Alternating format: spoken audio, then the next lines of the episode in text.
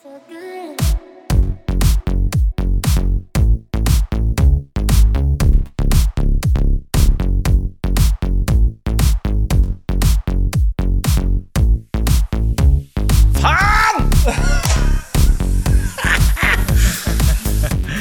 og hjertelig velkommen tilbake til Si det som det er.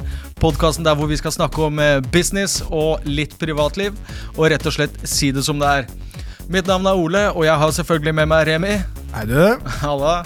Er det, er det noe nytt som har skjedd siden sist?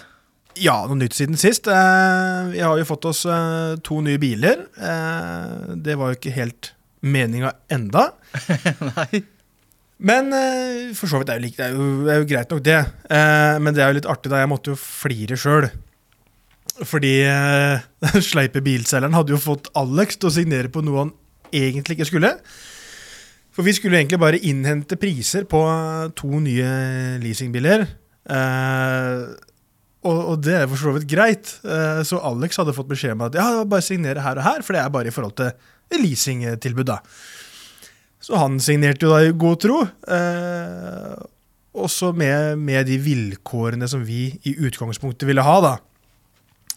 Så går det to Nei, det gikk fire dager, så fikk jeg, fikk jeg mail. Ja, nå har det kommet to nye biler. eh, Klart å hente. Hm. Vi har ikke kjøpt noen biler. Ringe selgeren, og jo da, bilene har kommet, og med de spesifikasjonene fra fabrikken som vi ønska. Jøss, ja det var jo litt spesielt, sier jeg, for jeg tror ikke vi har kjøpt noe. Jo, jo, jo, daglig leder har signert og greier. Hm, ok, kan du sende meg kopi av den eh, kjøpskontrakten? Faen, jeg sto og lurte. Hæ? Vi har jo faen ikke kjøpt noen bil. Men så kom jo riktignok mail, da. Og da eh, sto det jo med liten skrift nederst at det, det her var jo kjøpskontrakt. Så da fikk jeg beskjed ok, skal de faktureres som avtalt, eller skal vi kjøre leasingvalget, da. Vi sto der som to dumme spørsmål. og bare ok, hvilke vilkår, hvor, hva, hva skjedde her? Men så fikk vi kjapt innblikk, og resultatet var jo hvis ikke ville ha dem, så måtte vi jo betale 10 da, i bruddegebyr. Og det hadde vi ikke særlig lyst til. Og så betale en 60 000-70 000 kroner for ingenting. En signaturfeil, som vi kaller det. Eh, så nei, da blei det to nye biler. Eh, det er for så vidt greit. Å få på litt logo og litt reklame på dem, så blir det bra. Vi trengte jo to nye biler. De vi har, er ganske utslitt og står på verst enda. Så ja, det er vel egentlig det. Pluss jeg fikk, eh, fikk jo tre prikker på lappen. Og 5000 i bot, så det, det å kjøre og prate i telefon, det anbefaler jeg deg som har eh, litt for lite prikker og litt for mye penger. Ja, da kan du se. Det, det går ikke alltid sånn som vi planlegger, men eh, det kommer jo noe godt ut av det uansett. Ja da. Og, og bilene hadde vi behov for, og den der, det slukkebyret, det, det hadde vi ikke behov for. Så det, det kom jo greit med. Men der ser du også at eh, ting går jo ikke alltid sånn som man planlegger. Og i og med at vi skal snakke litt om eh, vår historie i denne podkasten, så tenkte jeg at eh, vi kan jo nevne, nevne et oppdrag da, som vi sent kommer til å glemme. eh, som ikke gikk helt etter planen. Hvor skal du begynne? Nei, vi, jeg holdt på å si vi kan prøve å begynne så lokalt som mulig, da. Eh, Sandefjord. Eh, vi skulle flytte, Det var et av de første oppdragene vi hadde. Og Da skulle vi flytte en familie på fem over i leilighet. Og så Nei, det var motsatt. Familie på fem fra leilighet til et hus. Ja, Og de som bodde i det huset, familie på elleve, skulle da få to leiligheter. Og vi tenkte ja, ja, det er jo, det er jo greit. Flytte eiendeler. Men så har det seg sånn at når du skal flytte i en bygård uten heis og uten tralle, og du skal begynne å bære hvitevarer, og vi tok jo ofte en ting hver for oss, sånn at det skulle gå litt fortere.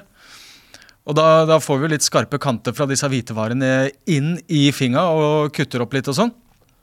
Og det, det husker jeg var Det var en tøff start. Det var, eh, det var godt og varmt. Jeg syns det var jævla ålreit.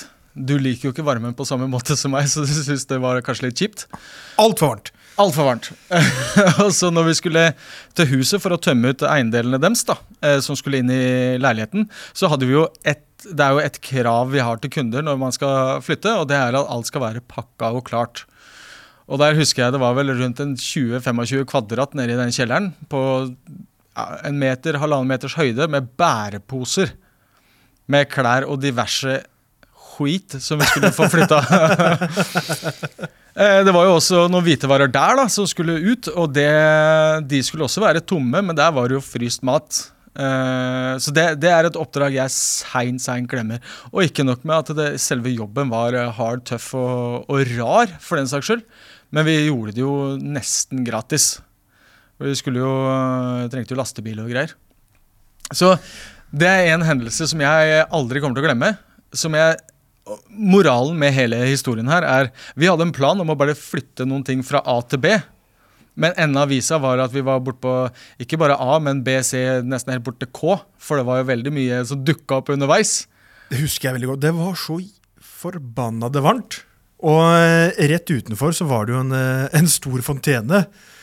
Jeg husker jeg lå jo nesten mer med hodet nedi det der vannet der ja, enn å, å fly opp alle disse trappene uten heis. det hadde jeg glemt. Ja, fader, altså. Men og, og dere, jeg blir egentlig jeg, jeg har ganske lang lunte, jeg personlig. Men jeg merker jeg blir litt provosert når um, For vi hadde jo ikke noe støtte i starten. Da, nei, du burde ikke gjøre det. Ikke, ikke, nei, du burde ikke straffe sjøl, for jeg kjenner en annen som gikk på trynet, og bla, bla, bla. Eh, ikke noe støtte, og ingen å prate med heller, for så vidt. Men blir, så, jeg blir så forbannet i etterkant når de sier ja, men jeg får aldri det til, for dere, dere hadde jo flaks, dere, vet du. Ja. Og så Flaks? Ja, ta den jobben der, da. Det var, det var jo prisa som én dag. Og det er en av de fem første oppdraga vi hadde. Så det var prisa for to mann en lang dag og litt i pluss. For vi underprisa oss veldig i starten for å kunne få jobb. Eh, jeg vet ikke hvor lang tid vi brukte der, totalt sett. Som du sier, alt lå jo, Vi måtte jo nesten pakke for dem, og eh, alt lå i, i, i bæreposer og pappesker og det ene. Ja, veldig lite pappesker, forresten. ja. Eh, tre dager, kanskje. ja, det var noe sånt. Så det, og det er typisk, det er så typisk når du starter for deg sjøl, og så, du går i alle fallgruvene. Er du ikke enig? Jo, jo, jo. Og, og det, var jo, det var jo på sommeren.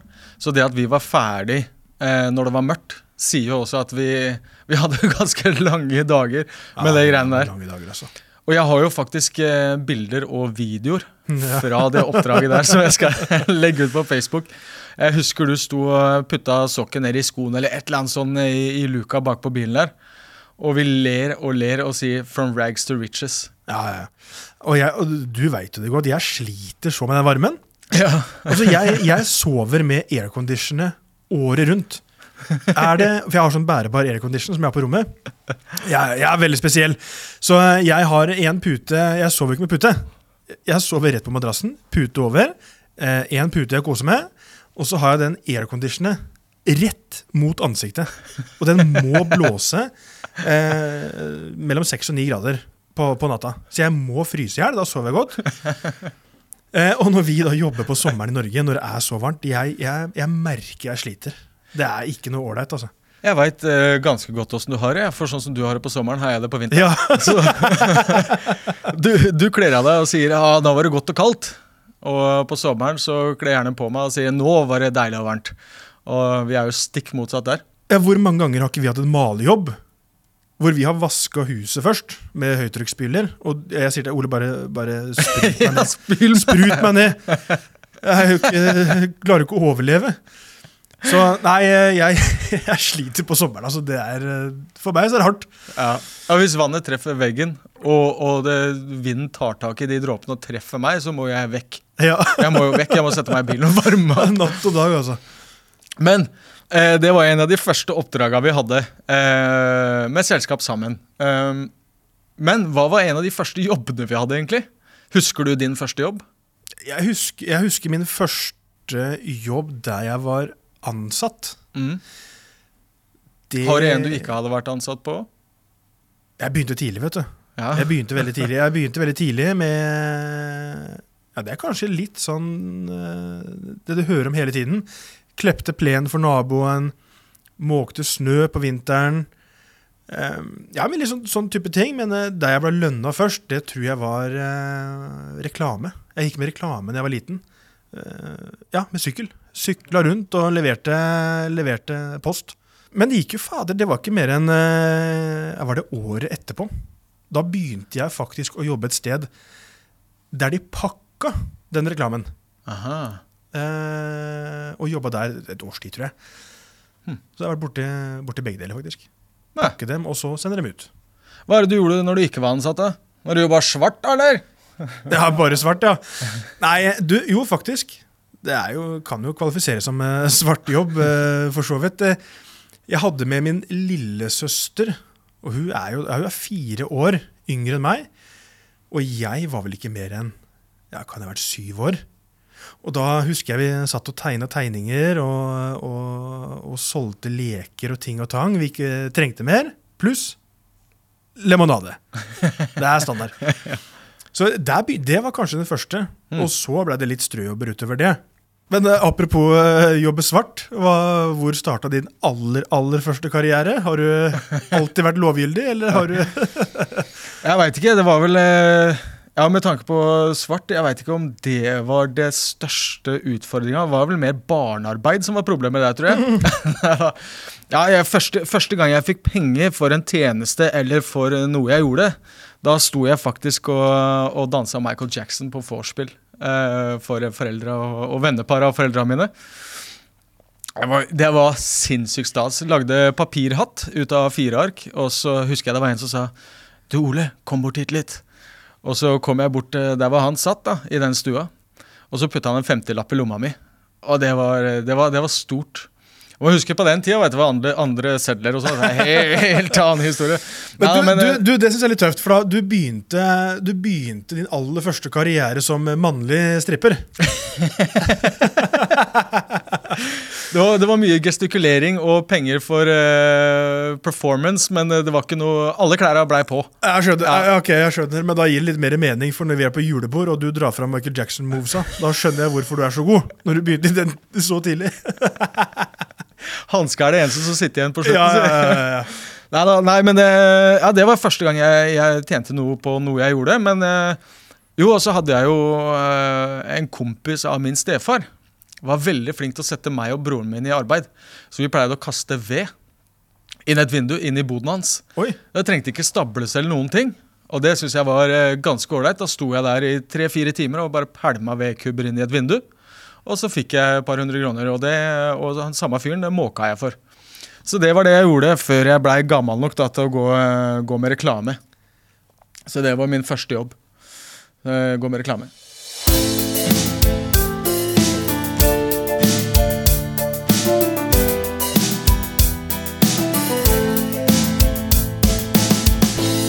Men eh, det er jo noen myter innenfor vår bransje hvis man skal starte. Og Hva er en av de største mytene som vi kan bekrefte eller avbekrefte, som, eh, som skremte deg da, eller gira deg? Da har jeg nummer én, nummer to og nummer tre. Det er eh, jobb hardt. Altså, jeg syns ikke det Nei, det er helt feil. For det, det fins Vi har jobba hardt i ja, x antall år. Eh, og det fins millioner av mennesker verden over som har det eneste motto. Altså jobb hardt og gjør det du kan. Problemet er at de, de har jo ikke tak over hodet engang. Eh, da må det heller være en kombinasjon. At du, du jobber hardt, tjener mye penger, og så må du være flink med pengene. Det, og da kan jeg snakke fra egen erfaring. Og det Jeg har vært borte og jobba så vanvittig mye. Eh, tjent masse penger over en kort periode. Men hva er det som skjer? Hva er det som skjer hver eneste gang? Du er borte fra familie, venner eh, og barn. Tjener masse penger. Og når du kommer hjem, ja, nei, da skal du kose deg. Ikke sant? Da skal du kompensere for at du har vært så mye borte. Og det er ofte ganske dyrt. Da er det sydenturer, det er oppgradering av biler kanskje, ute å spise, og så pengene flyr. Det var litt sånn som vi nevnte i pilotepisoden vår. At eh, det å ha det ålreit på hjemmebane For sånn som du nevnte der, at eh, det skal jo på en måte være en belønning etter jobben. og da flyr penga av gårde igjen. Men hvordan hadde det vært? Eh, hvordan kunne du formulert det hjemme? Ok, nå har vi dratt inn x antall kroner. Nå har vi råd til å bygge business. Hvordan hadde det landa hjemme?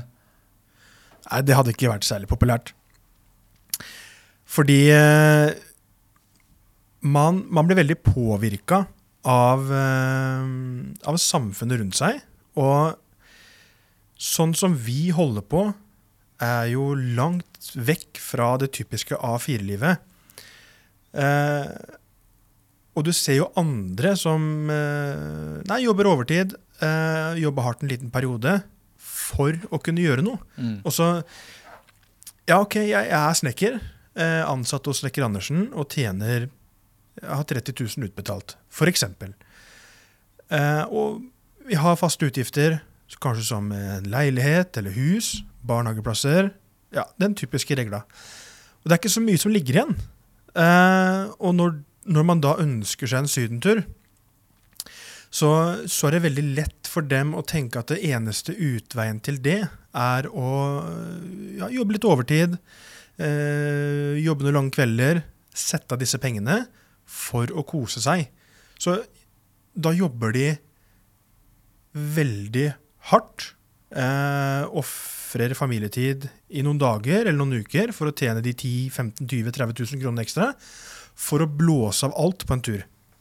Og egentlig så er jo ikke det veldig lurt, det som jeg har gjort det sjøl.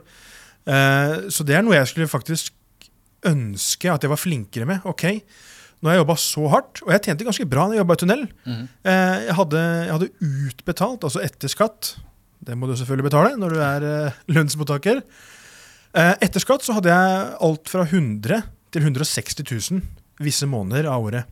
Og hadde jeg vært lur da, så hadde jeg fremdeles bare betalt de vanlige regningene. Eh, spart en god del, og så investert. Investert. Istedenfor å blåse alt, og så er jeg tilbake til tunnelen igjen. Snakkes om tre måneder. Men det er jo en ressurs å kunne sånne type ting. Men nå har jo du heldigvis vært i situasjonen sjøl, så du skjønner jo hva det krever, så du gjør jo ikke sånne type ting igjen. Og det er jo litt av det vi har lyst til å forklare, hvordan vi kan implementere de kunnskapene der i andre som ikke har opplevd det. Og gi andre den ressursen. Men hvilken andre type ressurser er det vi har hatt da, som har hjulpet oss på veien? Ja, kanskje ikke hatt, men eh, mye av det har vi utvikla underveis også. Eh, den viktigste ressursen som jeg mener at vi to har, og nå også, det er at vi, vi utvikler oss selv. Også vi har ikke så stort ego. At eh, Nei, nei, jeg har alltid rett. Mm. Og så det rett og slett, vet du, det her, her gikk jeg på trynet, og det var min feil. Og bare OK, men ting skjer. Ydmykhet. Ydmykhet. Ja. Ja. Også det, det å, å reise seg opp og bare være mann nok til å si fy faen, Ole, den fuck-upen der, det var faktisk min skyld. Fordi, ja. det var ikke jeg som utførte det, men det var mitt ansvar uh, for å påse at det skulle blitt utført på en riktig måte. Mm. Så det er, det er det å lære av seg selv. Uh, og så er jo nettverk, da. Du kommer ikke unna nettverk. Du er nødt til å bygge nettverk. Er du, er du heldig og har det fra starten av, så er det bare kjempebra, men aldri stopp uh, å bygge nettverk. For nye kunder og nye samarbeidspartnere kommer via et nettverk. Det hadde vært jævla imponerende å sett noen drive en butikk eller en business uten nettverk. En hemmelig butikk. Ja, det vil jeg like å se. Nei, du, du kommer ikke unna det. Nei, det gjør man jo ikke. Men eh, hvilket råd kunne vi gitt til de som skal samme vei som oss, f.eks.? Med vårt utgangspunkt. Ja, snu. Nei da. ja. Nei, eh, det er som jeg sa litt i pilotepisoden nå. Eh, skal du gå den bransjen her Nå kan ikke jeg snakke for de andre, eh, andre bransjene der ute, men bygg og anlegg og, og generelt det vi holder på med, det er, det er hardt, og du må være mentalt forberedt. Mm. Det er, det er viktig. Det er, det er egentlig det største tipset jeg kan gi. Vær forberedt på å gå på trynet. Mm. For du, du kommer til å gjøre det.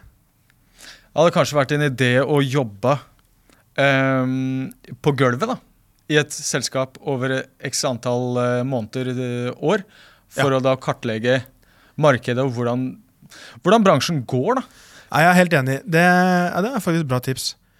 Og det er noe jeg ikke har gjort sjøl, egentlig. Er, vi er veldig selvlært. Eh, alle mine snekkerkunnskaper kommer jo egentlig fra barndommen av. Jeg syns det var veldig interessant. Eh, for eh, min far drev vi og pussa opp ganske mye. Rev en gammel veranda, bygde ny, bytta kledning. Inn og ut med vinduer etc. Så jeg, jeg, jeg fikk det inn ganske tidlig. Og så vekte det en liten interesse. Og det, det har nok bidratt til at vi kanskje har havna i entreprenørbransjen. Eh, Pga. litt interesse fra barndommen av. Eh, og så Man føler seg litt trygg på det, for du har gjort det en god del ganger, og, og det blir bedre og bedre. Og det var sånn vi starta, vi starta litt også. For jeg, det begynte jo med at vi, vi, vi begynte med det lille, det bitte, bitte, bitte lille nettverket vi hadde rundt oss selv.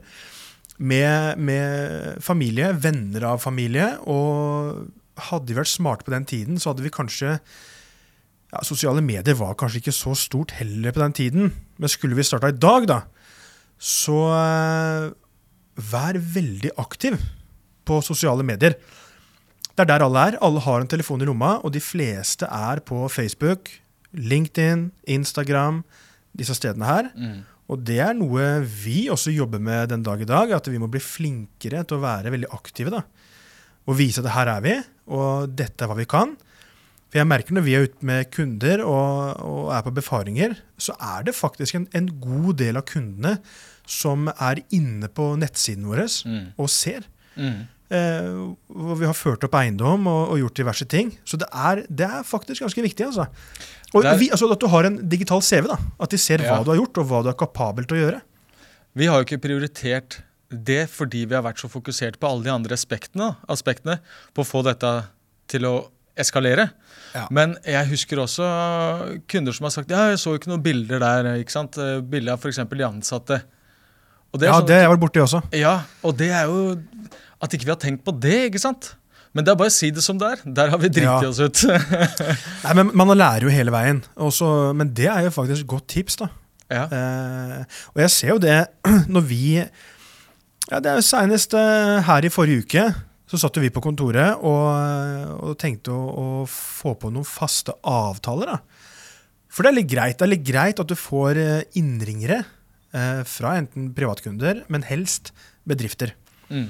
Og da var det kjøkken. Mm. Ikke sant? Ok, Hvorfor ikke? Vi totalrenoverer eiendom, og vi fører opp en del kjøkken.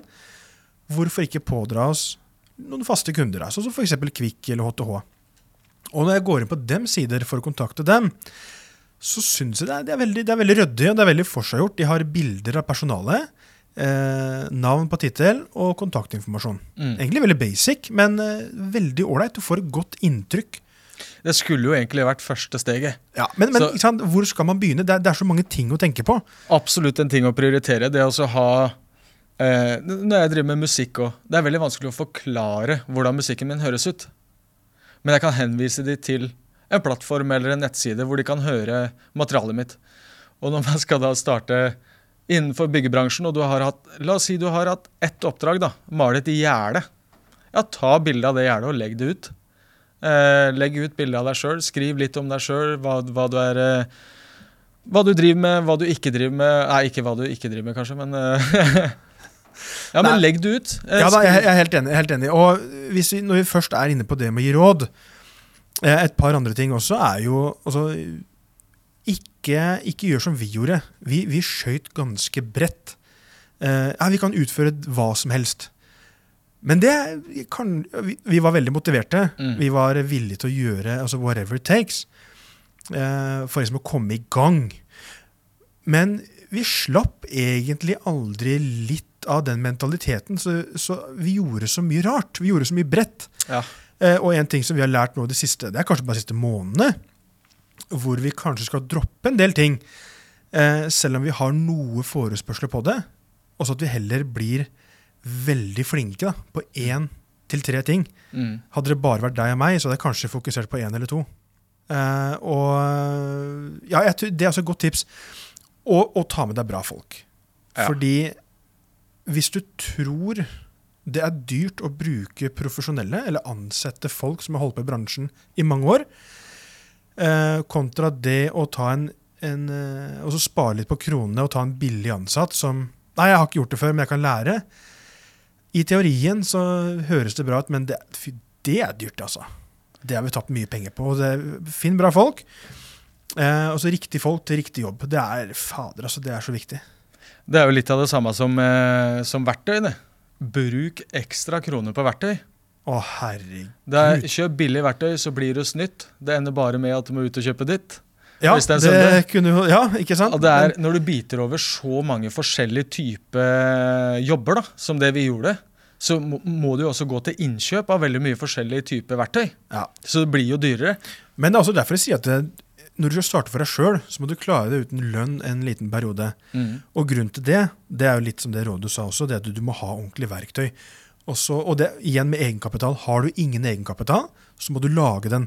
Og når du da er i gang med å, å kunne fakturere de første fem-ti oppdragene, det første du burde gjøre da, det er å kjøpe riktig utstyr. Mm. Vi erfarte, Heldigvis så gjorde jo vi det. Ja, ja. ja. Nei, så det er helt håpløst. Men eh, vi lærte jo ganske tidlig. Kjøpte bra, bra Mm. verktøy. Du er nødt til å ha det for eh, Spesielt, igjen, bare innenfor vår bransje, bygg og anlegg. Det er mye regn. Det er mye dårlig vær, og du må ha ting som holder. Mm. Eh, så det, det er viktig. Bra verktøy, det, det er den største kameraten du kan ha med deg på jobb, om du så er alene. Mm. Ja, prioritere det. Ja, og Det er, jo- det er jo også en sånn standard-ish som eh, forretningspersoner pleier å si. Ja, du skal aldri investere mer enn så, så, så mye. Eh, det vi gjorde, vi investerte jo egentlig alt vi hadde hele tida. Ja. Og så Ting som skulle ryke, det skulle ryke eh, åkke som. Eh, Så lenge vi hadde bein å gå på, armer å jobbe med, så tenkte jeg vi skal bare gønne på uansett. Men du, hvor mye problemer har ikke vi hatt med biler? Altså, vi, Det har gått for noen. ja, vi har jo kjøpt da, eh, biler etter lommeboka. Mm. Men det igjen, det var fordi vi starta med gjeld, Ja. og ikke, ikke kunne hente nye biler. Men igjen, altså, det har gått så mange biler, og det koster så mye penger å fikse brukte biler. Har du mulighet, og du starter med egenkapital, så vær så snill, bare lease deg en, en rimelig bil. Mm. For da har du én bekymring mindre. Fader, nå røyk den girkassa, eller den toppakninga, for det har skjedd noen ganger, altså. gamle biler, så er det månedlig utgifter. Det bruker mye mer eh, drivstoff. Det er mye mer vedlikehold. Og det er rett og slett dumt å starte, starte med, med dårlig utstyr, rett og slett. Jeg merker det sjøl, når vi fikk de nye bilene nå.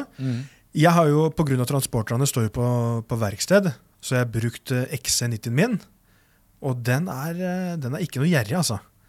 Den bruker altså så mye penger i drivstoff, for vi kjører, vi kjører ganske mye. Og så la jeg merke til det nå når vi Nå har jeg bare gått et par dager med den nye bilen, men uh, hvor gjerrig den er. Ja, ja, ja. Så det er, uh, det er ikke sparesett seg fant. Så Nei. et godt tips. Skaff deg leasingbil, skaff deg ny med forsikring, nei, service, garanti og hele pakka. ja det ser- er hodebry mindre, altså. Ja, ja, og det, det, det, du kan tenke mindset òg. Når vi er på, på jobb, så fyller vi bare. Vi skal, vi skal fram, vi skal fram, vi skal fram. Men jeg tok jo Outlanderen til, til hytta og tilbake igjen. Og bare i bensin så var det 1200 kroner. Og det, det tenkte jeg over som privatperson. Oi, dette var jæskla Ja, men det, men det er dyrt. Du, jeg har, jeg har elbil. Eh, en liten sånn Leaf. Den er jo helt ny, da. Eh, I sommer så kjørte jeg fra Sandefjord og ned til Dyreparken i Kristiansand. Eh, og jeg kom faktisk helt frem. Jeg hadde vel en 2-3% da jeg kom fram. Gambler. Ja, det, jeg måtte jeg skulle teste. Så det var autopilot og steering assist, alt dette her, da. Så det gikk. Eh, men det som var litt artig, det var jo når jeg regna på hvor mye det brukte strøm.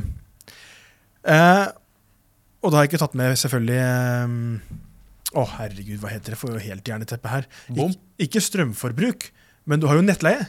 Ja, ja, ja. Men i selve strømforbruket, så jeg tror jeg regna det kosta vel en eh, ja, det var så to-tre kroner, tror jeg, for en såkalt full tank da, på den bilen. Det er fader. Det skulle jo, vi burde egentlig hatt elektriske biler til våre ansatte. Yes. For det drivstoff er stor eh, kostnad, altså. Men eh, jeg har sjekka litt rundt, det er ikke noe særlig. Jeg gleder meg til Cybertrucken kommer, hvis den kommer. Ja, Som firmabil, enn så lenge så er det nok greit med diesel. Liten Ja, jeg, tror det. jeg tror det. Ja. Skal vi ta en uh, liten jingle her, eller?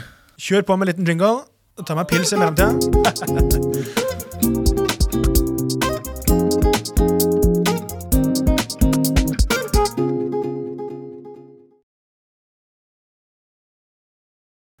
Ja, det skulle jo egentlig være introen det til podkasten vår, men det ble en liten sånn eh, pausejingle isteden. Jeg husker eh, da, da jeg lagde den, det var ikke Det smalt ikke like bra som eh, You're So Good. Så, jeg, sy jeg syns det funker bra, jeg. Jeg syns det er greit sjøl, jeg. Men eh, da vi starta opp, eh, Remi, hva er det vi ikke hadde som vi skulle ønske at vi hadde da vi starta? Nei, skal jeg prate for min egen del, så ville jeg sagt flinkere med økonomi. Og ha en mm. bedre forståelse for økonomi. Mm. Eh, ja, Vi kunne godt prate om økonomi, men det, det blir ganske bredt og blir ganske mye i form av eh, handlekontor, banker osv. Men generell bedre forståelse for økonomi. Helst utdanna innen økonomi. Men eh, OK. Jeg ville vært flinkere med økonomi, og så ville jeg vært eh, flinkere til å bygge nettverk mye tidligere Mm. i hvert fall for min del.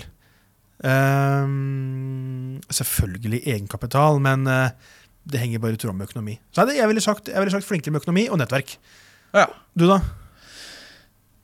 Jeg skulle ønske at jeg var litt flinkere til å se visjonen min ferdig.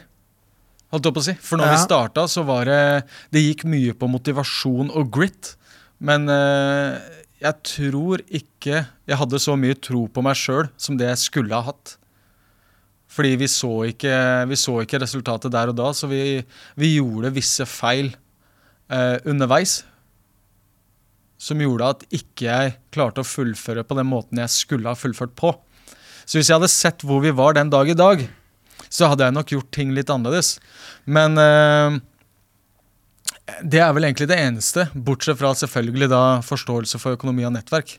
For da, da du sitter jo nede i et høl som du skal først klatre ut av, før du skal begynne å gå på bakken. Ja, så har du null peiling, da. Ja, Altså, det, det, det, det jeg mener, det er lett å sitte nå og være etterpåklok Mhm. og si «Ja, men herregud, hvorfor gjorde vi ikke bare sånn? nemlig. Så um, Og det må være, det må være skolelei òg. Det er eh, Altså, jeg husker jeg gikk på, på grunnkurs på byggfag, og så ville jeg Jeg ville jo bli murer på den tida der. Eh, da hadde jeg lagt fra meg å bli pilot, fordi eh, jeg hørte at de måtte være gode i matte, og det, det var ikke jeg på det tidspunktet. Så jeg tenkte ok, da, da begynner jeg i byggebransjen. Starta på grunnkurs sammen med kompiser. Du veit åssen det er når du er ung. ikke sant? ja, ja, Du, ja. du følger jo med strømmen. Og så skulle jeg inn på murerlinja. Kom ikke inn på den, så jeg kom inn på eh, betongfag. Og var egentlig eh, skjær lei av å gå på skole tre uker etter at jeg begynte. Men er det én ting jeg har fått planta inn i huet mitt fra jeg var liten, så er det to ting. er det én ting, så er det to ting. Det ene er at du skal aldri låne penger. eh, og det andre det er det at du aldri skal gi opp. Og jeg tror nok det var det som holdt meg, den ene tanken der. Du skal ikke gi opp. Så jeg møtte opp på skolen. Men det var ikke så ofte jeg var i timen. Uh, så jeg, jeg sleit litt der. Men jeg, jeg valgte da å ta allmenn påbygg, sånn at jeg i hvert fall kunne få generell studiekompetanse da, uh, før jeg gikk videre. Og så hadde det seg sånn at uh, når jeg søkte meg på, på høyskolen for å ta høyere utdanning, så var det plutselig det året så sto det i rød skrift på samordna opptak eller hva det heter for noe, at du kunne ikke ha rulleblad. Og det hadde jo jeg.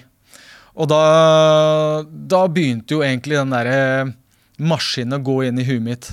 Ok, hvis jeg ikke kan utdanne meg, så kjører jeg trøkk på lager. Det var ikke noe alternativ inni huet mitt. Jeg så ingen muligheter i det hele tatt. Nei, men Der er du inne på et godt poeng, da, som jeg, eh, som jeg sa også. Det å drive og utvikle seg selv. Hvor viktig det er. Eh, og jeg, jeg er jo litt ekstrem i alt jeg gjør, så jeg, jeg prøver å utsette meg hele tiden selv. Da, å gå ut av komfortsonen for å for egentlig bli bedre kjent med meg sjøl. Hva jeg takler, hva jeg kan. Og, så, og jeg kjenner på de nervene. Jeg syns det er litt spennende. ja, men det gjør det. Og Uh, nei, det er viktig å utvikle seg selv. Uh, men også igjen, da, hva skal vi Nå sitter vi og skravler bare i det vide og det breie igjen. Igjen, vi har jo ikke drevet med podkast før. nei, nei. Så, så det er jo litt første gang for oss, men jeg føler jo eh, altså mest mulig verdi, da. Hva, hva kan vi La oss si, da, hvis du tar en 18-åring, lyst til å starte for seg sjøl, hva er oppsummeringa? Mm. Ok, du må være dedikert. Ha en, for det er vanskelig når du er så ung, å velge, velge eller vite hva du skal drive med. Eh, kanskje ikke resten av livet, da, men, men store deler av livet. Men la oss si at du har en bestefar eller en far som som kanskje er maler. Hva anbefaler vi da? Ok, begynn med nettverket ditt, det du har rundt deg. og si at, vet du hva, Bestefar, pappa, onkel, og så hva det måtte være. Jeg vil også eh, drive med maling. Kan du lære meg? Stort sett så sier de ja, de rundt deg. Start et enkeltpersonsforetak. Og jobb med nærmeste. Prøv å utvide deg. Vær flink på sosiale medier. Eh, markedsfør mye. Kanskje gå ned litt i pris i starten, bare for å innhente litt jobber. Eh, vær flink med å dokumentere før, etter. Gjerne få en skriftlig referanse. Um, har du egenkapital, så invester i litt ordentlig verktøy. Kanskje en litt fin bil, om det går. Hvis ikke, så må du bare jobbe ut ifra det, det du har, og det du har mulighet til. Men ehm, hva mer? Hva kan vi fylle på? Jeg kan oppsummere det på den måten at det er forskjell på å være eh, naiv og ydmyk. Ja. Sånn som du sa, ta, ta litt lavere pris i starten. Eh, Det, det gjorde jo vi. eh, og vi var også åpne med tanke på Vi var ikke naive, vi var, vi var nysgjerrig. Eh, og ta heller litt mindre i starten, men know your price når du veit at du mestrer det. Så, så hvor mange ganger er det ikke vi nå sier en pris på et oppdrag, da, og så sier kunden ja, det var litt dyrt, ja, da får du, da får du velge noen andre, da, og så får jeg lykke til med prosjektet ditt. Du må vite hva du har vært. Men i starten, ja, kanskje være litt, være litt ydmyk, men ikke naiv. Ikke jobbe gratis, men i hvert fall legge deg så nærme bunnlinja du kommer, da. ja, vi var kanskje litt ekstreme. Vi var, vi var veldig billige. Ja. Vi kan ta det også seinere. Men, men ja, ok, litt, uh, legg deg litt rimeligere da, enn Mm. konkurrentene, bare slik at du får, uh, at du får noen referanseprosjekter. Uh, men ja, kanskje ikke være så treige som vi var, Ja. med, med å, å, å skru prisene til mer konkurransedyktige priser. For det, det er der pengene er. Og det er, der, det er inni der det lille overskuddet du skal ha for å bygge videre, ligger. Mm. Vi var litt treige med det. ja. Men det er som du sier, er vi på prosjekt nå, så si, vi vet jo hva ting koster. Vi vet hva forsikring koster, eh, pensjonsavtale, diesel, biler. Altså hele sirkuset har en pris. Så vi må, vi må jobbe og kalkulere oss ut ifra det. Men ja, det er som du sier, du må På, på et tidspunkt, når du begynner å bli ganske trygg på deg selv, skru opp prisen. For det er som du sier, når vi er på befaringer, eller jeg merker det selv også, at eh, ok, totalrenovering av bad, det koster 300 000. Mm. Og oppover. Og, og oppover. Det er, det er det det koster. Skal, skal det være gjort riktig, og, og de som utfører jobben, eh, har riktig kompetanse, eh, riktige materialer, utstyr blir brukt, eh, og forsikringer og alt er i orden. Så det, det har en sum. Eh, eller ta en annen jobb òg, hvor eh, kunden sier nei, men vi, eh, vi har fått et tilbud, eh, et annet tilbud. Så jeg, ok, da, vi respekterer jo det. Og hvis, hvis vi blir spurt om å forsvare prisen, så sier jeg jo rett ut det er det det koster når man har ansatte og det, kjører lønn og, og, og få det hele til å gå. Du kan selvfølgelig gå for Pjotr, men da den eneste forsikringa du har da, forsvinner med baklysa på bilen. Mhm. Mhm. Så det er eh, know your price, ja. Det er, eh, det er viktig. Jeg ser jo det det er, det er kanskje en av de eh, oppdraga eller hendelsene vi kan ta i en av de andre episodene, men eh, det er ikke for mange ukene siden så ga jeg en pris på en jobb på ja, li, litt over 100 000. Og den samme jobben, når vi starta, utførte vi for 17 Drangedal. Yes. Måtte komme. ja, det måtte komme.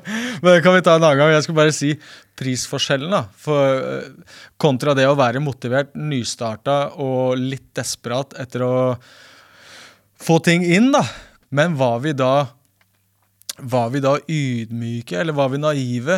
Jo, vi var vel mer grisesultne, tenker jeg. Ja, det tror jeg. Jeg, eh, i hvert fall min egen del, så altså, man er jo så gira. Ja. Altså, du, du har så lyst til å starte for deg selv. Eh, og det som jeg sa, vi var mindset, og det er sultne.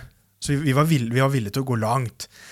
Det prosjektet der eh, var jo ikke gjennomført på en god og trygg måte i det hele tatt. Altså, du kan forestille deg å male en hel, en hel elebolig eh, uten lift og stillas. Ja, lift fikk vi kanskje på slutten, men det var jo litt for seint. Hvor jeg står der i tre stiger som er stripsa sammen. I en, en, en ståltrapp som så vidt hang sammen. Og så den, Hele den stigen så ut som en sånn halvmåne. inntil det var kjempefarlig. Herregud. Og jeg sto med liften med lys fra telefon for å se veggen, for det ble så mørkt. Ja, siste dagen der, ja. Ja, herregud. Men det, men det er som jeg sier, altså, det er jo helt ekstremt. Det skal ikke være sånn. Men eh, ja, vær litt mer forsiktig. Ikke gjør, For det går det gærent, så går det fort gærent. Og så detter du ned fra 15 meter, så er du nesten stein dau. Mm. Men det er også forskjellen hvorfor det koster så mye nå. For nå jobber vi ikke på den måten. Og da Nei koster det faktisk mer å drive. Men eh, nå har vi kommet såpass langt i eh, Dette blir jo episode én, for det andre var jo en pilotepisode. Ja. Eh, så jeg tenkte vi skulle komme med episodens anbefaling. Og der har jeg en eh, liten greie som jeg pleier å gjøre med meg sjøl. Det er, Vi er litt sånn rock'n'roll noen ganger, fordi eh, vi ofte gjør ting som ikke mann i gata er villig til å gjøre. Så alle må jo ta dette her med en klype salt om de har lyst til å praktisere det eller ikke. Men noe jeg velger å gjøre, da, er eh, når ting er skikkelig dritt, tar jeg fram telefonen min, og så setter jeg på selfie-kamera. Hva er det det kameraet egentlig heter? det Face eh, Jeg veit ikke. Nei, for det kom jo før selfie, gjorde det ikke? Det har ikke peiling. Anyhow. hvor du ser deg selv. Ja, det er hvor du ser deg sjøl. Eh, og så kikker du deg sjøl inn i kameraet, holdt jeg på å si. Og så begynner du å legge ut i det vide og det breie om hvor dritt ting er. Ja, nå har jeg så vondt der, og det er så hardt der, jeg har ikke, har ikke penger til det, bla, bla, bla. Legg ut i det vide og det breie, så trykker du på stopp. Så setter du deg ned, og så ser du på den videoen, og så tenker du fy fader, for en bitch. Sitte og klage på den måten der. Skjerp deg, kom deg ut, få det til å skje. Men hjalp det? Ja, Ja, det det? Ja, det burde egentlig du vite mer enn meg, for jeg kaster jo opp på deg og kjefter jo på deg for ting som plager meg. Uh, og det er vel kanskje noen perioder jeg ikke kjefter like mye som andre. Nei, vet du hva, jeg har faktisk prøvd det selv. Mm. Eh, jeg husker det var to år siden, da var jeg veldig svak for uh, online kasino. Mm. Jeg drev jo svær svær pokerklubb sjøl tidligere. Mm. Det kan vi komme tilbake til, men jeg har hatt en svakhet uh, hvis det er noen seine kvelder, det har vært litt fuktig kanskje, og, og, og stikker inn på et kasino. Jeg tror eh, Forfjor så svidde jeg vel av 550 000 i løpet av et år. Det er jo helt sinnssykt. Det er jo helt latterlig. Men jeg husker uh, Når du holder på, så er det veldig gøy. Men når du bestemmer deg for å gå og legge deg, og dette, ok, nå blåste jeg av 50 000 Altså, jeg ble så sint. Og da gjorde jeg faktisk det en gang. Jeg tok bilde av meg sjøl. Og hvor sint jeg var, da, og frustrert. og liksom, Faen, jævla idiot. uh, og så har jeg liksom sett Selvinnsikt, det har du. Ja, litt selvinnsikt må man jo ha. Men, uh, men ja, det er ikke et dumt tips, egentlig. Og, for da, for da, da, er da er det på en måte tatt bilde av. Yes. Altså, det uttrykket du har, Mm. de følelsene du har, det er Du kan, du kan se det på bildet. Yes. Du ser at jeg var ganske forbanna på meg sjøl. så det har jeg faktisk prøvd, og det funka jo. Jeg har jo ikke spilt så mye etter det. Eh, Husker du, eh, husker du da jeg bodde i den uh, sveitservillaen uh, oppe i, eh, i Sandefjord? Ja, Fyrtårnet, som jeg kaller det. Ja, fyrtårnet. Eh, da husker jeg jeg hadde en, eh, hadde en eh, operasjon og gikk på krykker. Var eh, veldig, veldig Du henger litt igjen etter en omfattende operasjon. Så For det første så blir du fysisk sliten. Og for det andre har du vært i narkose. Du får eh, medisiner som også reduserer deg litt. da.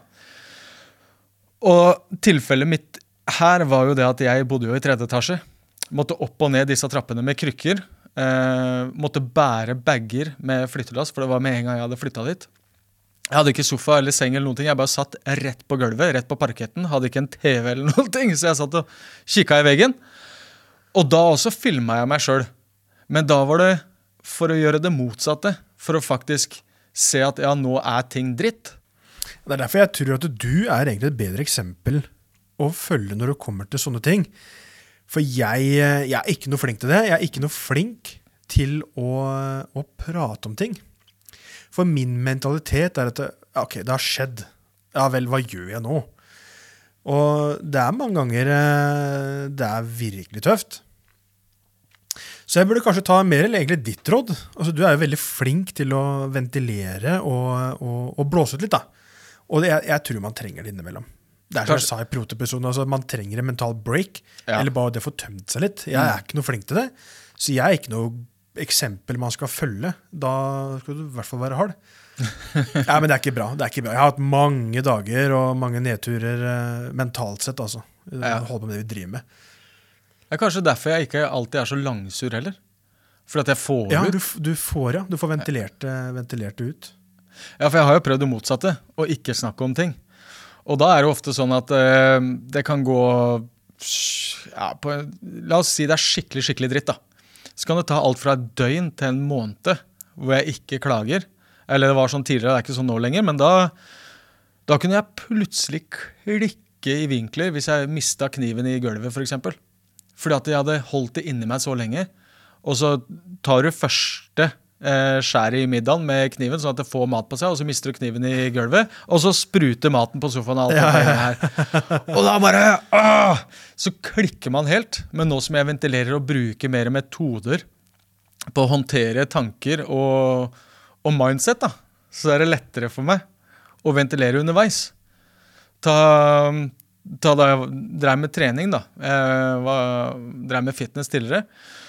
Og jeg levde jo på treningssenteret og på kjøkkenet. Det var det eneste jeg brydde meg om hele tida. Mm. Og så er det noen da, som har samme livsstil, men de har f.eks. en cheat day. Så på søndager da, så står de opp, spiser en Snickers, og hele dagen så trøkker de i seg dritt hele tida. Men det som skjer da, enden av visa er jo at du har det jævla kjipt i seks dager. For at du spiser mat som du ikke liker, og du gjør ting du må for å få et resultat du vil ha. Og når søndagen kommer, så blir det overdose av dritt. Det jeg tenkte, var hm, jeg vil heller porsjonere ut søndagen i små gleder hver dag. Så si du tar eh, Nå spiser ikke jeg majones, bare ta et eksempel. Majones på brødskiva di på mandag. Og så har du saus på middagen din på tirsdag. Og så tar du ny Energy på onsdag så har du sånne små ting hele tida. Sånn gjelder også når jeg driver og jobber og vi er ute i, ute i feltet. Så er det også sånn porsjoner. Ja, nå stikker vi innom der, for nå trenger vi en liten break. Vet du hva? Det, det har jeg faen meg reflektert over i siste sjøl. Fordi når vi har jobba så hardt som vi gjør, så tenkte jeg dæven, nå er det lange dager. Eh, hele helgene går. Og så nei, fader, du, den søndagen skal jeg ta fri. For da føler jeg at jeg trenger en, eh, en sånn eh, mental break. da. Og så kommer søndagen. Og hva er det som skjer? Altså, jeg, jeg står jo fader ikke opp. ikke sant? Og når jeg først står opp, så er jeg så sliten. Eh, og da er sikkert Alt skal bare ut, sikkert. da. Ja, ikke sant? Så hele dagen er jo ødelagt. Ikke sant? Så da tok jeg fri fra det helt ræva. Kanskje hjernen trengte det der og da, men jeg føler liksom at det hjelper ikke. Men så litt sånn som du sier, altså at du, du unner deg litt hver dag. Mm. Det bør ikke være så mye. Men bare om det er en liten, uh, liten, serie, eller en halvtime der, eller en time der, eller bare det å sitte og se på vannet. Og så et eller annet som bare sånn liten sånn godbit hver dag. Men jeg tror kanskje at når du ventilerer eh, så mye og tømmer deg over meg, da, jeg vet ikke hvorfor jeg altså Jeg er mottakelig for det, og jeg liker å lytte og prøve å hjelpe så godt jeg kan, men kanskje at eh, jeg ventilerer litt via deg, da. Kanskje. Ja, Fordi ja. ja, du og de helseutfordringene, det, altså, det kunne jo vært en egen podkast eller en egen bok for seg selv. Jeg vet ikke, Kanskje jeg tenker vet du hva, jeg har det dritt nå. Nå, er det, nå har vi holdt på i 16 timer. Det er mørkt, det regner. Du har våt tvers igjennom. Uh, og akkurat det prosjektet her jobber du gratis. Det er ikke så motiverende. Nei. Men så holder jeg meg liksom til tanken at det, er snart over. Mm. Når vi reiser herifra, så er det ferdig. Mm. Og da blir det bedre.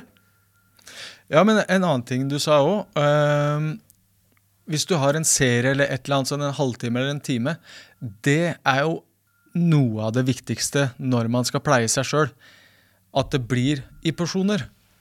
For det er så ofte, da jeg var veldig ekstrem på dette kostholdet og treninga, så ser jeg jo dårligere form folk er, jo mer sier de ja, må kose seg litt. Men nei, det er det litt. Det er nemlig det. Ja, er det litt. Ja, ikke jeg, sant? Men jeg det er kanskje en, eh, altså en unnskyldning, da. Yes. Ikke sant? Hvis ikke du orker å trene, så blir det sånn Det, det, det, det er mye lettere å la være Ja. å finne på unnskyldninger for å ikke gjøre ting. Jeg må bare love å kose seg litt. vet du. Jeg må slappe av litt. eh, Yes. Og, så, og så blir det sånn. Ja. Og, og det, Du kjenner jo meg godt. Eh, hva er det jeg trenger å gjøre hver kveld før jeg skal sove? Å le. Nemlig å le. Ja. Det er eh, Hadde ikke jeg ledd hver dag, så hadde jeg jeg, det blir sånn, ja, hva, hva hvis? Men jeg er ganske sikker på at jeg ikke hadde holdt ut på den samme måten som jeg gjør nå. Nei.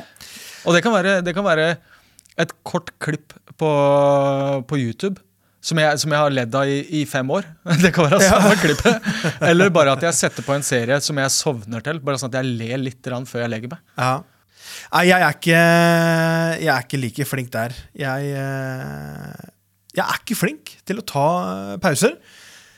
Jeg, det, det eneste jeg må ha hver kveld, det er planlegging av businessen og videre. Mm. Og ja vel, det er for så vidt bra, men eh, det, det, er, eh, det er krevende, egentlig. Og jeg må bare ta meg sjøl i det. At jeg må, jeg må bli flinkere. Eh, så for eksempel deg, da. At du Nei, vet du hva, eh, i dag har det vært en lang dag. Eh, men jeg har en rutine at jeg skal le hver kveld Mm. før jeg går og legger meg. Jeg tror det kan være lurt. Det er bare jeg som er helt gæren. Det går jo ikke an å holde på sånn. Nei, men det er jo faktisk sånn at eh, det, er jo, det er jo en belønning òg. Eh, fordi når jeg kommer hjem fra jobb, så er det alltid fra med PC-en. Hvilke tilbud skal sendes ut? Hvor skal vi i morgen? Eh, hva må hentes? Hva må gjøres? Og så eh, spiser jeg middag, og så kommer resten av dagen, da. Men det å kunne legge seg med et smil om munn, det er veldig viktig. Det er veldig viktig med tanke på parforhold òg, faktisk. Men jeg tror, jeg tror du, er veldig, du er veldig flink og strukturert sånn. Fordi når du kommer hjem, så prioriterer du kanskje Nei, vet du hva, nå har jeg ja, x antall tilbud og oppfølginger som jeg må igjennom Mm. før jeg spiser middag, eller, eller hva det måtte være. Og du gjør det bam, bam, bam, bam, bam. Og så eh, spiser du middag og, og tar litt sånn eh, guilty pleasure, da. Mm. Sånn som UFC eller Formel 1 eller, eller hva det måtte være. Mm. Jeg gjør kanskje like mye som deg, men jeg gjør det utover hele kvelden. Ja, ikke sant? For det, jeg har ikke noe sånn guilty pleasure. Det som jeg sa i pilotepisoden, det er dykking og skyting. Aha. Er det på vinteren, så får ikke jeg gjort det. Og da, da er det bare business. Og da blir jeg kanskje litt mer ineffektiv enn det du er. Så det du gjør på en tre timer, da, det bruker jeg kanskje seks timer på. Mm. Fordi jeg har ikke noe annet å gjøre. Jeg har Ja, ikke ikke noe som interesser meg. Så nei, du er, nok, du er nok flinkere og mer strukturert der. Og det er også et godt tips. Igjen, selvutvikling. Vær eh, effektiv. Mm. For tid er penger. Den har vi lært mange ganger. Tid er penger. Mm. Og, og checklist. Skrive opp hva du skal gjøre. Ja, Ikke, ikke bare målet. Og hadde jeg fått en tier hver gang jeg hørte det, så hadde jeg sikkert hatt en 40-50 spenn. Men, eh, Ja, men eh, det å skrive opp målet sitt og henge det på kjøleskapet eller veggen og sånn, det, det er veldig bra, det. Men skriv også checklist i hverdagen. At når du står opp, gjør eh, Legg de reine klærne inn i skuffen.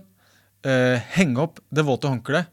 Lag frokosten din, sett på kaffen, eh, vask kolba når det er ferdig. De småtinga der, sånn militære detaljer, gjør kanskje ikke noe der og da for deg, men hvis du ser tilbake to-tre år, da, så ser du hvor strukturert du har blitt. Og hvis du gjør det i arbeidslivet òg, sånn som vi på arbeidsplassen.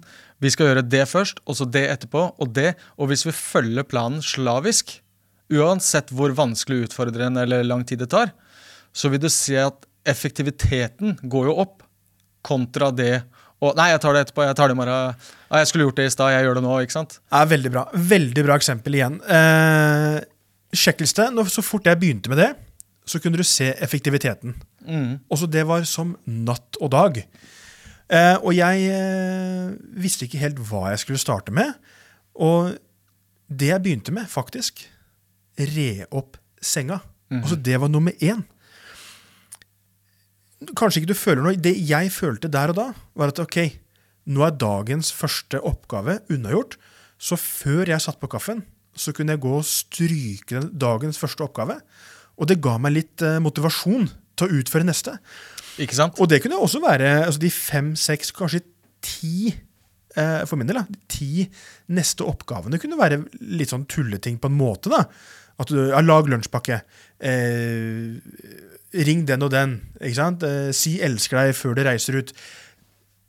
Poenget er at eh, hver gang jeg strøyker ut noe sånn, så får du litt sånn eh, en sånn godfølelse Mm. av at eh, fader, nå, eh, det her er produktivt, og det smitter lenger ned på listen. Altså, jeg, har jo, jeg har mellom 70 og 100 telefonsamtaler hver dag.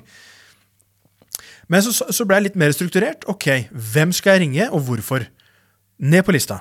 Og så bare pløy gjennom. Mm. Noen samtaler kan være litt kleine, cold calls, som vi kanskje kaller dem. Du er ikke helt klar for de enda. Begynn med noen varme calls. Ring, ring noen ansatte. Ja, 'Hvordan går det?' 'Ja, det går bra. Nå er vi sant, godt i gang', etc. Få litt viben igjen, få litt godfølelsen igjen, og så begynner du med cold callsa, og, og, og jobb deg gjennom lista. Mm. Og etter jeg hadde holdt på en par-tre uker, så så jeg effektiviteten, Mm. og hvor mange Det er greit å ha 100 telefonsamtaler, men hvor mange var eh, produktivt, produktive eller leda til noe? Nei, det var kanskje fem eller ti eller 15 den dagen. Men når jeg begynte å bli veldig mer strukturert hvem jeg skal ringe, hvorfor, få det ned på blokka, og, og stryk unna. Mm. Det gir en sånn mestringsfølelse Mm. hver gang du stryker ut. Så det er veldig bra tips, Ole. Mestringsfølelse, ja. Det også er jo noe veldig mange sliter med. Det å ha selvtillit eh, og mestringsfølelse. La oss ta en annen ting da, med checklist. Sånn som jeg gjorde. Klarte jeg å ta ti pushups? Ja, det klarte jeg. Har jeg lyst til å trene? Ja, det har jeg, men det tar mye tid. Det koster litt penger. Ok, Hvordan kan jeg løse det her? Jo, jeg tar ti pushups hver time så lenge jeg er våken. Ja, det husker jeg. Ja, jeg hadde jeg har aldri hørt om noen som har gjort det samme. Nei, Jeg, jeg syns jo det var veldig spesielt. For at eh, når vi holdt på i Oslo og, og tok de badene der og, eh, og du hadde jo på alarm Ja. hver time. Ja, og jeg syns den ene var litt kul, for da stoppa vi på eh, Circle K og skulle ha noe kaffe, mat etc. på veien hjem. Eh, og vi kjørte da elbil, så vi, vi ville jo ikke parkere der de andre parkerer, eh, ved pumpene. Så vi kjørte jo der lastebilene parkerer. og, og du var jo målbevisst, fast bestemt, skal ut og ta de pushupsene. Og jeg husker du altså du, du er jo ikke sjenert. Altså du- og det er veldig bra det med selvtillit, og du er ikke sjenert sånn sett. Går ut av bilen, legger deg på asfalten ved sida av E18, og der står jo en, eh, en lastebilsjåfør og, og stropper på, eller han driver og jobber med lastebilen. Og du rett ned og kjører på. Og jeg lurer på hvilke tanker som gikk gjennom hodet hans. Og marsjerer bestemt ut av bilen, ned på asfalten og begynner å pumpe på. Han, så- han så litt betenkt ut. Der han sto. Han gjorde det. Han Og- gjorde det. Men jeg, visste, jeg var jo 100% klar over hva jeg drev med. Ja da. Og jeg, jeg, jeg skulle Det var ikke nødvendigvis fordi at jeg skulle eh, gå ned i vekt, opp i vekt, eh, se annerledes ut eller bli sterkere. Det var vel mest fordi at jeg hadde lyst til å være i fysisk aktivitet. Og måtte benytte meg av en mulighet som, jeg, som ikke fantes fra før av i mitt hue. Og det var ti pushups. Det tar noen sekunder. Det har jeg. Så da gjør jeg det hver time, og så ser jeg hvordan det utvikler seg. Og det som skjedde var jo at jeg gikk opp til 15, og så gikk jeg opp til 20, 25 og 30. Og når du da, la oss bare si 10 timer da, for å gjøre det enkelt, så har du tatt 300 pushups på en dag. Og det som skjedde var at jeg fikk jo resultater bare etter to-tre uker. Resultater, ja. Det var jo, du ble ganske markert og, og Ja, ja. pumpa der. Og du fikk jo med deg svigermor og samboer og det ene og andre. det. Så det smitta over. Jeg har jo lyst til å prøve selv, men jeg er, eh, jeg er ikke noe treningsmenneske. Men jeg må si det var veldig interessant. Og det er litt sa, Mestringsfølelse hver time. mestringsfølelse. Mm. Eh, og hvor mye resultater du kan få av en liten innsats Nemlig. hver dag. Nemlig. Det er den kontinuiteten hele tiden. Yes. Det er det som er spennende. Mm. Og, og det jeg mener, altså hvis du alltid gjør litt mer, jobber litt lenger og litt hardere enn dine konkurrenter, tar noen flere telefonsamtaler, reiser de hjem klokka seks, reiser du hjem klokka syv. Mm. Hvis du gjør det over en lang periode, og da prøver å kartlegge hvor mye lenger du har kommet eh, foran da, Mm. dine konkurrenter. Så det er jo noe vi burde prøve. Det er jo et nylig eksperiment. Men hvis vi kunne tatt det inn i businessen Yes. Ok, hva har vi gjort de siste seks månedene? I snitt så har vi tatt x antall telefoner. Vi har uh, jobba x antall timer. Uh, prøve, prøve å lage et gjennomsnitt og et utgangspunkt. Og så prøver vi å, å gjøre litt mer hver dag. Mm. Og, og, og, og igjen se om seks måneder hvor stor effekt det hadde. De, de lille, små tingene der. Så da blir det en oppsummering, da, for nå begynner vi å nærme oss eh, slutten her. Ja, vi skravler jo som vanlig. Ja. Da er det veldig viktig å ha motivasjon fra starten av. Ja. Og så skrive ned en checklist hva du skal imellom. Hver gang du har vært imellom ett punkt, kjedelig, morsomt, eh, langtekkelig eller raskt, uavhengig av det, stryk ut eh, punktet. Du får en liten mestringsfølelse, litt mer gira for neste punkt, og så bare kjør videre. ja. Hvert- hvert fall den mentale biten. ja. Det er jeg enig i. Ja, men det er fint, det. Da har vi fått, eh, fått skravla om litt i dag òg. Veldig bra. Så til neste gang så tenker jeg at vi fortsatt oppfordrer folk til å sende inn spørsmål eller ønsker til podkasten vår på Facebook-sida. Og så får de eh, prøve så godt de kan å skrive en liten sjekklist, om det så er i hverdagen eller om det er på jobb, eller hvor, hvor enn det måtte være, og prøve å følge den. Få litt motivasjon. Være flink til å gi ros til seg sjøl, og pleie seg sjøl, men også i porsjoner. Sånn at det ikke blir for mye kos. Ja, Og så er det bare å hylle ut hvis det er noe. Yes. Skriv gjerne inn spørsmål. Mm. Så til neste gang ha det bra! Ha det bra.